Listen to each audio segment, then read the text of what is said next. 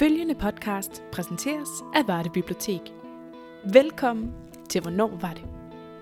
Hvornår var det er en lokalhistorisk podcastserie af Varde Bibliotek. I serien smelter lokalhistorien i Varde Kommune sammen med Danmarks historien, når vi dykker ind i de begivenheder, der har formet vores lokalsamfund. Vi fortæller de historier, der gemmer sig under tagene, i de små byer, i gaderne, i plantagerne og i klitterne. Kort sagt i hele Varde Kommune, fra Vejers til Agerbæk, fra Ølgod til Blåvand. Velkommen til.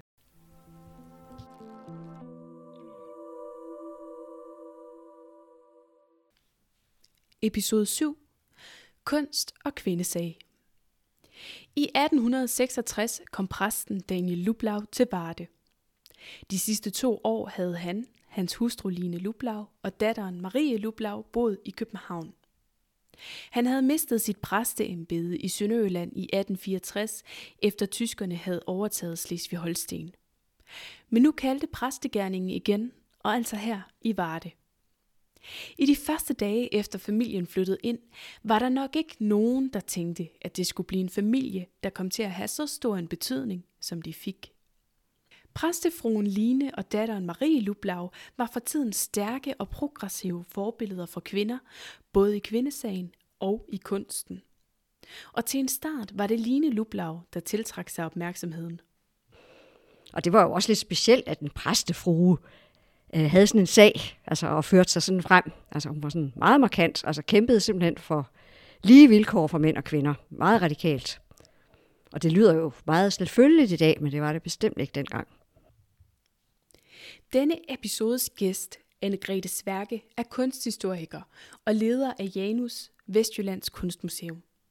Hun har et stort kendskab til Marie Lublaus kunstneriske virke, hendes liv og hendes historie. Og selvfølgelig har kunstmalerindens mor, Line Lublau, haft indflydelse på, hvordan Marie har forstået verden. I Varde blev Line Lublau kendt for sit store sociale arbejde. Stærkt påvirket af de hårde betingelser, som byens fattige borgere levede under, stiftede præstefruen nemlig en hjælpeforening, der skulle lindre det hårde liv for byens fattige. Det sociale arbejde blev startskud til hendes mangeårige virke som kvindesagsforkæmper, og især kvinders politiske rettigheder fyldte meget. Hun var sådan, hun hed Line Luplau og var, blev meget kendt som sådan kvinderetsforkæmper. Hun gik, var meget aktiv i kvindesagen og kæmpede blandt andet for, for kvinders valgret. Kvinder fik som bekendt først valgret i 1915, men det var noget, hun startede med at kæmpe for allerede i 1860'erne. Altså, men der var jo lang vej igen. I dag kan vi næsten tage demokratiet og vores indflydelse på det for givet. Men i 1860'erne var stemmeretten og valgretten ekstremt indskrænket i forhold til i dag. Faktisk var det kun ca. 15 procent af befolkningen, der havde stemmeret, og fruentimmere var i samme kategori som forbrydere, fjolser, fattige og folkehold, altså tjenestefolk. De havde nemlig ikke stemmeret. Samfundet og de sociale normer var meget begrænsende for kvinder, når vi sammenligner dem med i dag. I dag ved vi, at Marie Lublau blev kunstmaler, men vejen dertil var ikke ligefrem nem i 1868, da Marie Lublau flyttede til København.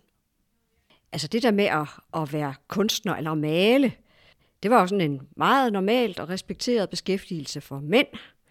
Øh, og Kunstakademiet var jo oprettet allerede i begyndelsen af 1750'erne, men det var jo kun for mænd. Hvorimod for kvinder, så det der med at, at male og spille klaver og altså sådan kreativ kreativ, hvad skal man sige, kreativ beskæftigelse. Det blev netop anset for at være en beskæftigelse, som var passende for sådan adelens og borgerskabets kvinder sådan at sysle lidt med, sådan ved siden af, at de var husmødre og mødre og ja, repræsentative hustruer. Så var det sådan acceptabelt, at man sådan malede lidt pæne akvareller eller blomsterbilleder og ja, men det der med at, sådan, at skulle være udøvende kunstner, det var virkelig noget, som kvinderne måtte kæmpe for. Fordi der var, de havde, i 1800-tallet, der havde de slet ikke adgang til kunstakademiet. Men noget af det, der kunne bane vejen for datidens kvinder, var de private tegneskoler, hvor man betalte for at blive undervist i tegning og maling.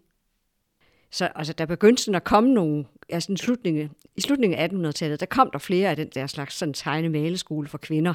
Men altså, det kostede penge, og det var privat, og, øh, men om flere af dem var sådan adgangs, med til at rekruttere til, at kvinder så fik adgang til sådan en særlig afdeling af Kunstakademiet, der blev oprettet for kvinder, sådan lige omkring år 1900. Det var altså kun det pæne borgerskab og adelige kvinder, der havde tid og råd til at komme på de private tegne- og maleskoler. Og vi skulle helt frem til år 1908, før Kunstakademiet optog kvinder direkte på skolen. Men det afholdte ikke Marie Lublau for at søge ind på Kunstakademiet i 1870'erne. Dog uden held. Altså hun søgte sammen med, hun blev veninde, hun gik på Wilhelm Kyns sådan private tegner- og maleskole for kvinder i 1870'erne. Og der mødte hun Emilie Mundt, som hun som senere blev hendes livsledsager. Og de søgte at komme ind på Kunstakademiet, men velvidende, at det kunne man ikke. Jeg tror ligesom, det bare var en manifestation, altså fordi kvinder kunne ikke komme ind på Kunstakademiet på det tidspunkt. Emilie Mundt var datter af professor Karl Mundt, der underviste på Sorø Akademiet.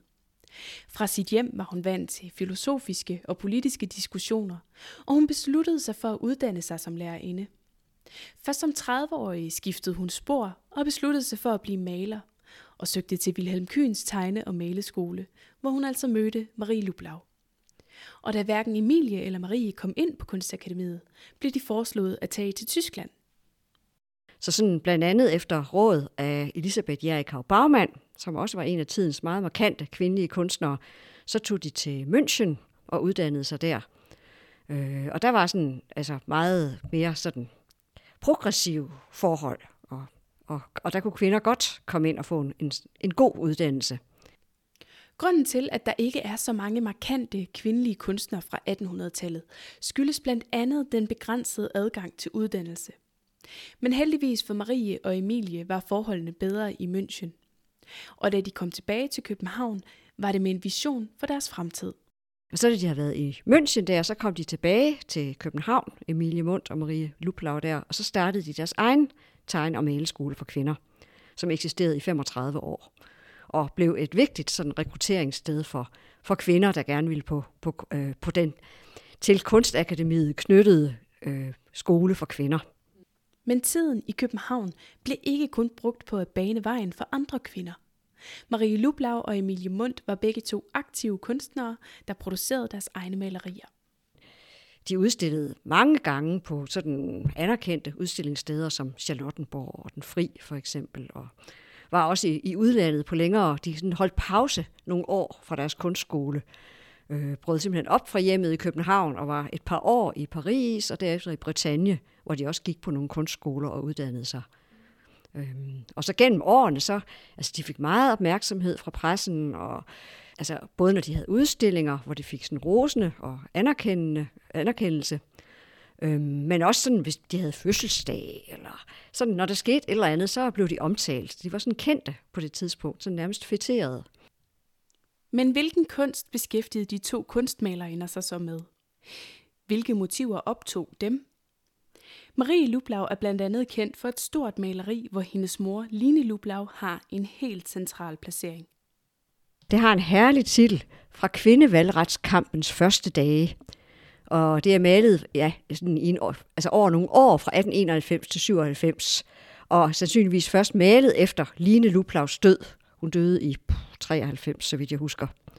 Og ja, det viser sådan en forsamling af langt overvejende kvinder, og hvor man ser sådan Line Luplau som en meget sådan øh, markant og statlig figur lige midt i billedet. Øh, sådan klædt sådan, sådan viktoriansk mode, nærmest sådan stram øh, og højhalset sort silkekjole og også en, en sort hat. Og så er det lidt sjovt, for i baggrunden, sådan i bagerste række, øh, blandt alle de her mange personer, der har Marie Luplau malet sig selv ind – og hun står der med sit sådan helt karakteristiske korte stridthår. Altså, det var sådan, hun, var, hun var jo også, gik i sin mors, mors fodspor øh, med at kæmpe for kvinders rettigheder og vilkår i det hele taget. Og der var det sådan, blandt de der reformkvinder, der var det sådan typisk, at man havde sådan en, en korthårsresyre. Men altså, det skal lige sige, der var ikke ret mange, der havde det. Marie Lublau markerede sig både som kunstner og som menneske ved ikke bare at acceptere tidens begrænsninger for sit køn. Men som kunstner var hun altså også kendt for sine glimrende landskabsmalerier, blandt andet malerier fra Varde og omegn. Og udlandsopholdenes indvirkning viste sig også i malerierne. øh, Marie Lublaus sådan landskabsbilleder, der synes jeg godt, man kan fornemme, at de har været i Frankrig og også er blevet påvirket sådan af, af friluftsmaleriet og impressionismen. Og Marie Luplau, som, altså det var godt nok Emilie Mund, der sådan malerisk var den mest kendte. Men øhm, altså Marie Luplau var faktisk en, øh, altså, ja, hun var en meget dygtig landskabsmaler og var netop kendt for at male direkte ude i det fri og på lærredet. Direkte på lærredet, uden at tegne først. Hvor ellers, altså før impressionisterne, der havde malerne måske nok tegnet og malet sådan løse skitser ude i den fri luft, men så tog de hjem i atelieret og lavede billederne sådan fikst og færdige. Altså skitserne, det var bare skitser. De var ikke, havde ikke værdi i sig selv. Hvor Marie Luplau simpelthen sad ude i landskabet, ude i naturen og malede direkte på lærredet. Så, øh, og hun øh, havde en meget, meget fin farvesans og sans for lyset. Så øh, altså, hun var bestemt en virkelig dygtig landskabsmaler. Emilie Mundt blev derimod mest kendt for sit sociale engagement, som strålede igennem i hendes valg af motiver. Emilie Mundt, hun er blevet meget kendt sådan, som børnenes maler. Altså, og det var ikke bare sådan søde, pæne borgerbørn, altså borgerskabsbørn. Det var sådan øh, fra asyler og børnehjem. Altså sådan, hun var også sådan socialt engageret. Øh, så det var sådan det, der ligesom blev hendes kendemærke, altså den der sociale indignation og sådan fattige, udsatte børn, som hun malede, og fik meget anerkendelse for. Sådan socialrealisme, kan man sige. Øh, og så har hun malet sådan, øh, sådan selskaber øh, og interiører og sådan miljøskildringer, Miljøskildringer og sociale sammenkomster var et ret almindeligt motiv i tiden. Et maleri af Emilie Mundt, der er interessant at dykke ind i, er Efter hjemkomsten fra 1892-93. Det er en skildring af en social sammenkomst, hvor vi må regne med, at samtaleemnet er faldet på rejser. Og så er der sådan i centrum, der er der en, en mand og en kvinde, og manden er ved at berette, altså tydeligvis, at han er lige hjemkommet fra en rejse. Og så er der en, sådan en frodig, moderlig øh, kvinde, der sidder og sådan øh, lige over for ham og, og lytter sådan meget indlevende til, hvad han siger. Og så er det faktisk interessant, for så lige ved siden af den talende mand, som er sådan en hovedperson i selskabet lige i det øjeblik her, der har Emilie Mundt afbildet Marie Luplau. Og hun sidder der med sit, med sit karakteristiske korte hår, øh, og, og sådan stiger ned i bordet. Man kan tolke det ud fra, at hun sidder, sidder og stiger lidt sådan sammenbit ned i bordet, øh, fordi hun føler sig sådan forbigået, at det er ikke hende opmærksomheden samler sig om, og hun er faktisk lige på det tidspunkt også lige hjemkommet fra en rejse til Paris. Men altså, at det er manden, der tydeligvis får opmærksomheden, og at det sådan er en, en i gåse og en rigtig kvinde, der sådan stråler som selskabets midtpunkt. I efter hjemkomsten afspejler sig en social kritik af samfundsnormen, hvor idealkvinden er lyttende og almoderlig, manden den talende og den vidende. Alt imens stiger Marie Lublau sammenbit ned i bordet, fordi idealkvinderollen bestemt ikke passer til hende. Man skal ikke undervurdere, hvor stærkt Marie Lublau og Emilie Mundt har markeret sig som kvinder i samtiden det der med, at de, at de var så stærke og var, var foregangskvinder, øhm, at de i den grad sådan var, var forbilleder og var med til at bane vejen for en hel generation af kvindelige kunstnere. Det synes jeg er meget, meget væsentligt øh, og vigtigt at huske på, at øh, de vilkår, vi både som kvinder og som, især som kunstnere har i dag, altså det er ikke noget naturgivent, og der er jo stadigvæk heller ikke lige vilkår, altså, og det er noget, der virkelig er blevet kæmpet for. Men Marie Lublau og Emilie Munds relation var mere end et professionelt partnerskab. De flyttede i en fælles lejlighed på Frederiksberg, hvor deres hjem blev til et samlingspunkt for kulturpersonligheder, der enten diskuterede kunst og politik, spillede musik eller på anden måde hyggede sig. Dagligstuen blev brugt som atelier og som kunstskolens undervisningslokale – og i 1891 adopterede Emilie Mundt og Marie Lublau datteren Carla. Formelt så var det Marie Lublau, der sådan havde, altså fik forældremyndigheden og adopterede, men at de var fælles om det der barn. En sådan syv måneder gammel forældreløs pige, som de tog til sig som, og op, opdrog og altså havde status som fuldstændig som deres datter. Og øh, det er sådan noget, man har interesseret sig meget for lige nu her de senere år, hvor der er så stor fokus på kvindelige kunstnere øh, hvor man sådan ser dem som sådan en datidens svar på sådan det, man kalder en regnbuefamilie. Men dengang, der var det, altså for det første, det var ikke spor usædvanligt, at to kvinder, to enlige, ugifte kvinder, boede sammen og havde sådan en fælles husholdning. Og også det der med at adoptere eller være plejeforældre for, øh, for børn, det var der også forskellige andre, der gjorde, altså af datidens kvinder. Faktisk var det så normalt, at kvinder boede sammen og adopterede børn, at det knap blev bemærket. Det blev set som en filantropisk handling nærmere end en sensation. Til gengæld tiltrak det virkelig slader i avisspalterne, da Marie Lublau og Emilie Mundt begyndte at cykle, efter de havde rundet 40 år. Se, det var en nyhed. Men spørgsmålet om Marie Lublau og Emilie Munds private relation er noget af det, der fylder i dag, når der bliver lavet udstillinger om de to kunstnere. For havde de et romantisk forhold? Altså, jeg mener, det er sådan en nutidig projektion, at man sådan antyder, eller tror, at de var lesbiske. Det er jeg helt overbevist om, at de ikke var. Altså, øh, altså, vi kan ikke bevise ud fra breve eller noget andet. Vi kan ikke bevise hverken det ene eller det andet. Men øh, det lå simpelthen i tiden, at kvinder kunne godt have meget dybe og nære sådan platoniske venskaber. Marie Lublau og Emilie Mundt boede sammen i 47,5 år. De delte stort og småt, og efter Emilie Munds død skrev Marie Lublau i et brev om deres inderligste, herligste samliv. Men måske kommer vi i dag til at forstå det anderledes, end det er tiltænkt. De har sådan et meget inderligt øh, forhold.